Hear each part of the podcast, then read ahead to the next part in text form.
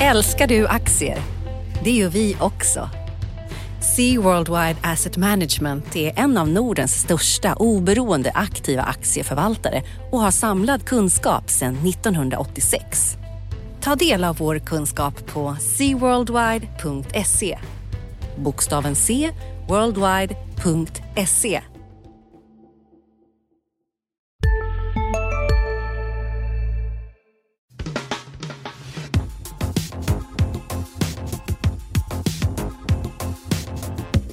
Analyspodden från Dagens Industri.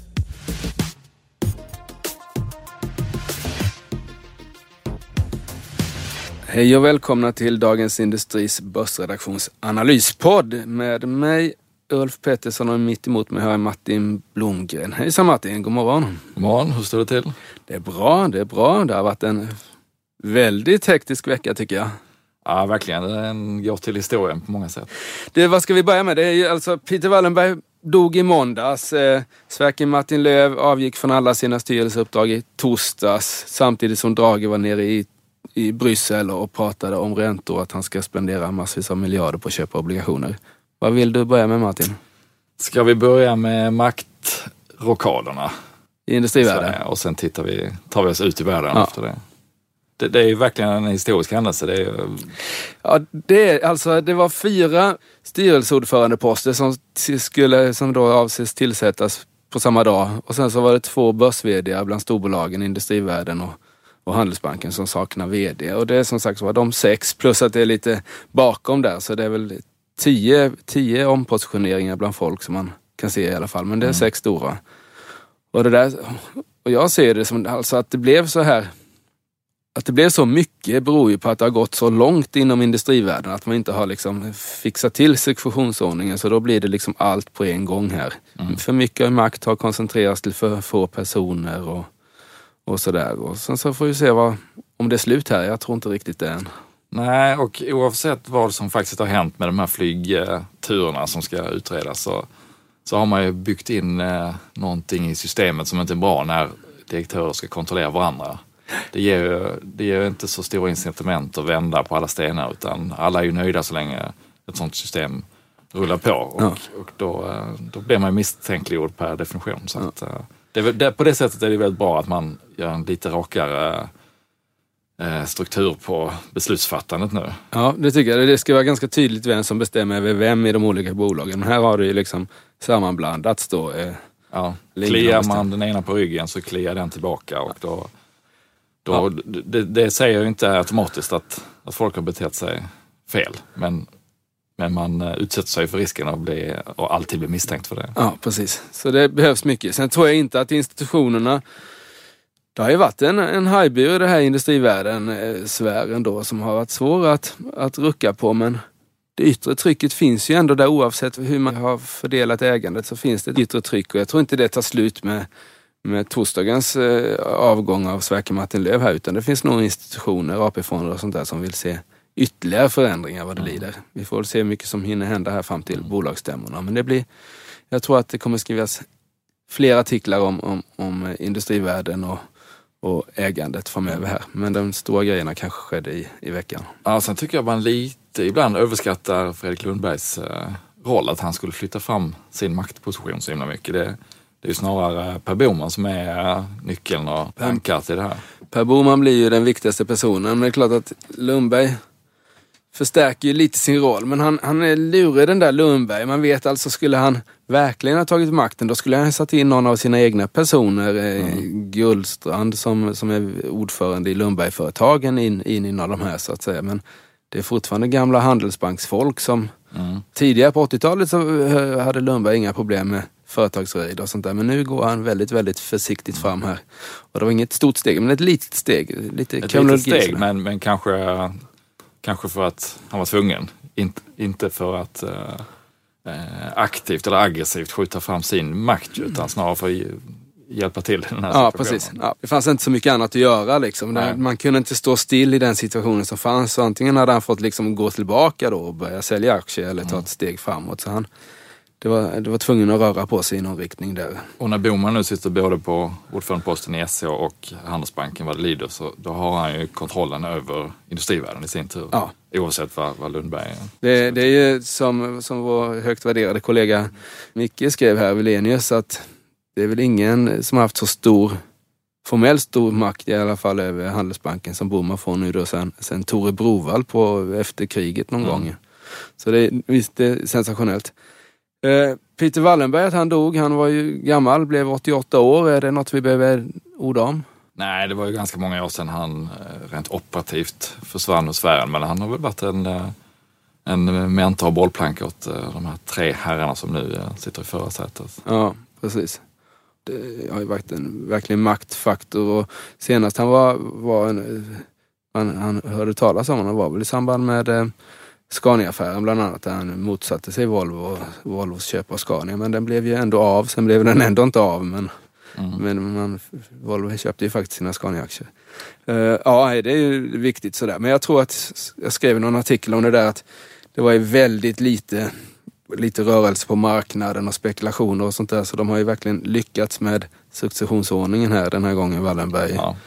Eh, jämfört med förra gången, då var det ju kaos och kris då när Ja. Peter tog över efter Och Marcus. det är ju liksom inga 24-25-åringar som tar över som det var när, eh, när Stenbeck dog och och Kristina fick ta över. Nej, De här har ju suttit som, som vd och ordförande i bolagen länge. Så att det är, ju- ja visst. De är ju 60, de är ju rutinerade. Mm. Bra. Eh, ECB då, det har påverkat marknaden däremot. Ja, det Eh, får man ju säga. Lite trevande börsreaktion först, men eh, sen sjönk det väl in då att eh, 60, 60 miljarder euro per månad miljarder euro ska eh, ECB då köpa obligationer för och det blir en reell injektion. Det är ett Hennes och Mauritz, hela börsvärdet på Hennes Mauritz varje månad som man kommer att dammsuga marknaden på obligationer. På ett och ett halvt år så betyder det att man kommer köpa obligationer motsvarande tre gånger Sveriges BNP ungefär under den här perioden. Så det är klart att det har effekt. Men vad ska det här leda till? Det ska leda till lägre räntor förstås. Ja, lägre räntor, euron föll då, vilket ju är bra för exporterande Europabolag. Mm. Eh, Det ska väl förhoppningsvis få upp inflationsförväntningarna, få företagen att våga investera. Mm. Um, vi får se om det lyckas. Nollräntor och minusräntor har inte lyckats utan Nej, det är, inte, det är inte säkert än. Det är, alltså det här med eh, finansbranschen och, finansmarknaden är inte alls någon naturvetenskap utan det är väldigt mycket psykologi här. Eh, Det kan mycket väl ses som ett, det som såg som ett bra besked igår kan ses som ett oroväckande ja, tanke nästa vecka. Det får vi väl se här men den initiala reaktionen var klart positiv. De fick och de lyckades så att säga över, trots att det låg väldigt mycket, mycket i korten så lyckades Draghi då över, överträffa förväntningarna Ja. genom att köpa tillbaks lite mer än vad man hade. Det där är ett spel alltså. Det är, de verkar som de läcker. ja, det var ju ganska nära de siffrorna som hade, hade kommit ut innan. Så Ja, fast eh, lite bättre. Det är det jag menar. Man läcker 50 och sen så meddelar Ja. man 60 så får man liksom så får man en positiv reaktion. Under promise, over deliver. Precis, det är ord som Draghi har lärt sig. Vi får se om, om det gör att Europas ekonomi också går bra här. Men risken är att de länder som skulle behöva göra stora strukturförändringar känner att med de här eh, räntorna och den här draghjälpen från ECB så behöver vi inte fixa till någonting. Nej. Utan nu är allt frid och fröjd igen. Vi kan ju låna billigt. Ja. Och, en, och, en, och en svag valuta, alltså så tar man den svenska eh, ekonomiska eh, historiken här så överlevde vi ju länge på en svagare, man devalverade kronan utan att ta tag i, i konkurrensproblematiken och kon, eh, vilken, hur duktig man egentligen är jämfört med sina konkurrenter. Och det kan ju vara lite så att EU också gör så att nu räddar man det här genom att skicka ner euron mot dollarn då. Men sen så kommer det, kommer det dyka upp igen och, och att, att många länder är för svaga och det går inte att rädda med valutor bara hur som helst. För det, jag menar, du kan ju inte, du kan inte stödköpa hur mycket obligationer som helst. Liksom. Det finns ju en gräns även där. Nej, men på kort sikt så blir det ju positivt för börsen. Det är svårt att... Alltså det här argumentet att, att aktier är billiga i förhållande till räntor är ju... Det känns ju inte bra. Nu släpper vi en ny podd. Expressen Dock. Einar han, han går in i fel gård, förstår du? Och sen där, en annan skytt jag tror kommer emot han och, och fortsätter skjuta. Lyssna på premiäravsnittet. Mordet på Einar, det sista vittnet. Med mig, krimreporter Nina Svanberg. Hon började skrika på mig. Backa hon började säga. Så vad, vad hände? Så hon bara, han är död. Så jag bara, vad säger du för något? som började skrika han är död så jag sköt honom nu 21 meter. Lyssna i appen eller där poddar finns. Sista dagarna nu på vårens stora season sale. Passa på att göra sommarfint hemma, både inne och ute. Och fynda till fantastiska priser. Måndagen den 6 maj avslutar vi med Kvällsöppet i 21. Välkommen till Mio. bra egentligen, men samtidigt vet man att man ska inte, man ska inte fightas mot centralbankerna för det, det brukar kosta mer än det smakar. Ja, visst är det så. Och det är ju... Eh, nej, och det är, det är liksom det, kraft, det, det verkliga, verkliga argumentet för att vara på aktiemarknaden. Det är att räntan är noll och vi har en direktavkastning som... Finns ett, fortfarande ett stort antal bolag, trots att börsen har gått starkt, eller kursen har gått starkt, som förväntas ge 5% direktavkastning. Och det, det är klart att då... Och nu närmar sig utdelningsperioden så att då är Mm. alltid mycket fokus på utdelningar. Det kommer ju utdelningsbeskeden då i, i rapporterna som väntar. Ja, ska vi prata lite om rapportperioden? För det, är ju, det kan ju hända nya saker i, i omvärlden, men, men det vi vet är att rapportperioden sätter fart på Stockholmsbörsen med Ericsson, SKF och Elux. Om, Martin, du gick ju igenom det här lite grann innan tidigare i veckan här. Vad är det, vad är det du kommer sikta in dig på? Vad är det marknaden kommer sikta in sig på? Har du något mer att säga om enskilda bolag eller sådär? Jag tror att man, det har ju varit väldigt stora rörelser i väldigt många olika saker runt om Mm. bolagen. Dollarn har stärkts jättemycket. På ett år är den upp 27 procent. Mm. Fantastiskt för alla som har USA-fonder eller direktäger USA-aktier. Mm. Eh, och fantastiskt för exporterande bolag. Mm. Eh, oljan har fullständigt rasat under kvartalet och räntorna är då nere på noll eller minus i vissa fall. Mm. Så att det är väldigt många yttre parametrar som, som har rört sig ovanligt mycket. Mm. Och eh, vi såg i, i den här veckan att eh, både Lundin Petroleum och SSAB vinstvarnar och delvis var det då effekter av eh, valuta och av oljepriset. Mm. Så jag tror att det kommer bli ganska många exempel där, där eh, aktiemarknaden och analytikerna har missbedömt hur mycket det påverkar. Mm. Även om man kan gå in i en årsredovisning och titta på känslighetsanalysen så, så är den ju sagt då med allt annat lika. Ja, och, och de liksom följdeffekterna på efterfrågan och på hur eh, kunder reagerar och hur stor andel man har säkrat just det här kvartalet. Det är många, många lösa trådar där som, som man inte som utomstående kan ha koll på.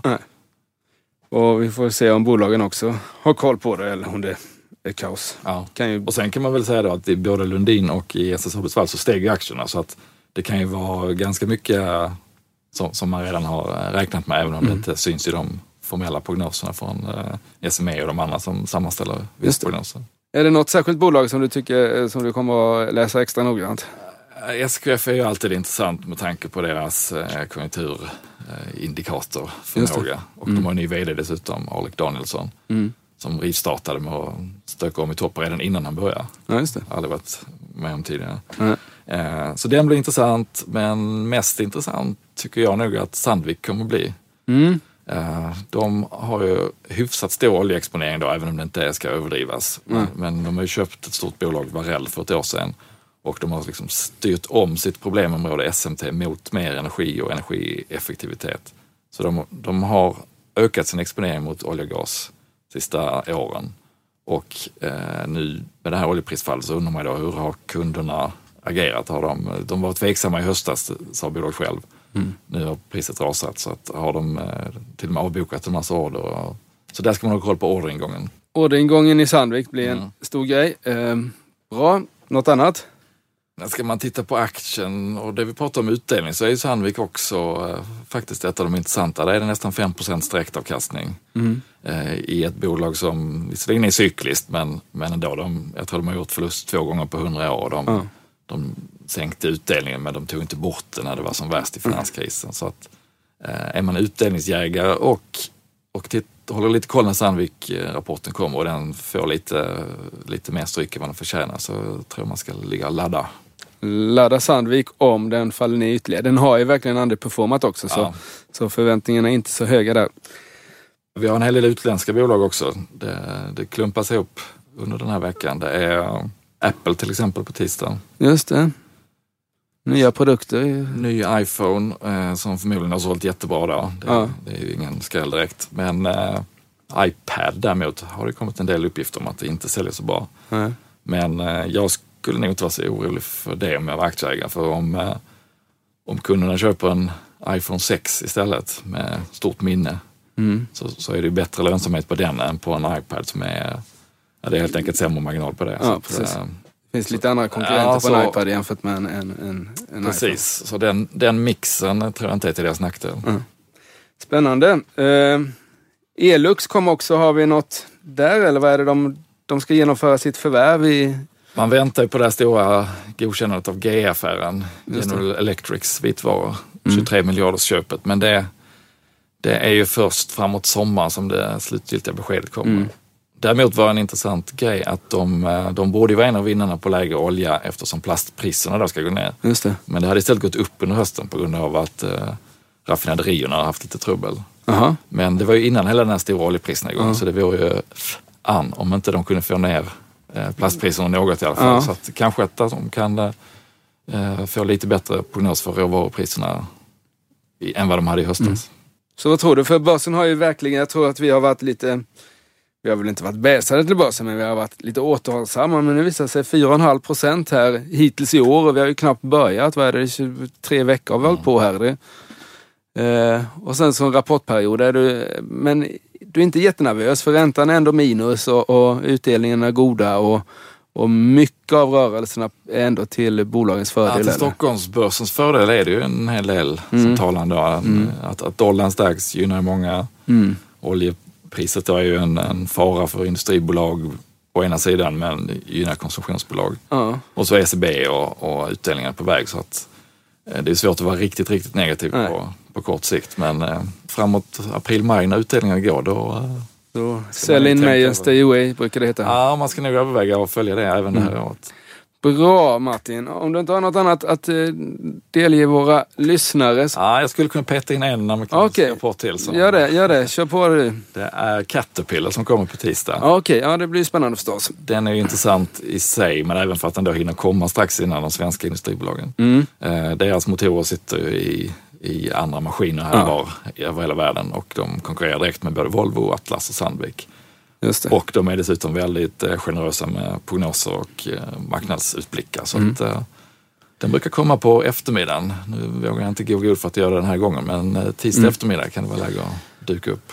Och kolla in Caterpillar. Och då ska man komma ihåg att det är ett amerikanskt bolag. De har haft valutamotvind medan Mm. Caterpillars svenska konkurrenter har haft motsvarande medvind. Precis.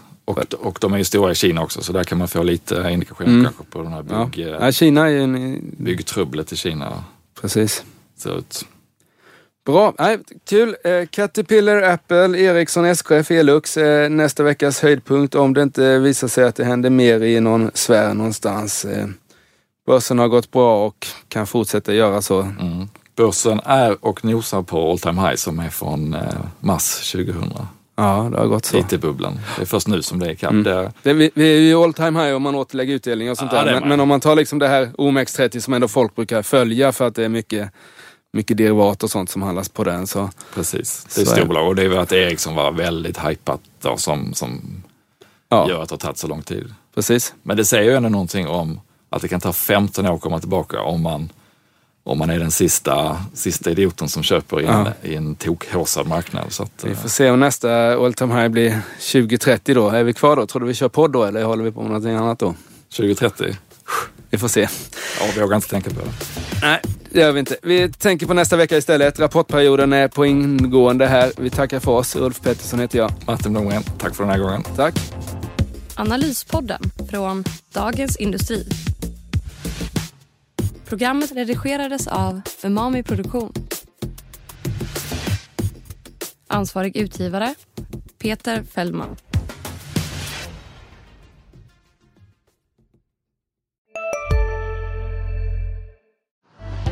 Älskar du aktier? Det gör vi också. Sea Worldwide Asset Management är en av Nordens största oberoende aktiva aktieförvaltare och har samlad kunskap sedan 1986. Ta del av vår kunskap på seaworldwide.se. Bokstaven C, worldwide.se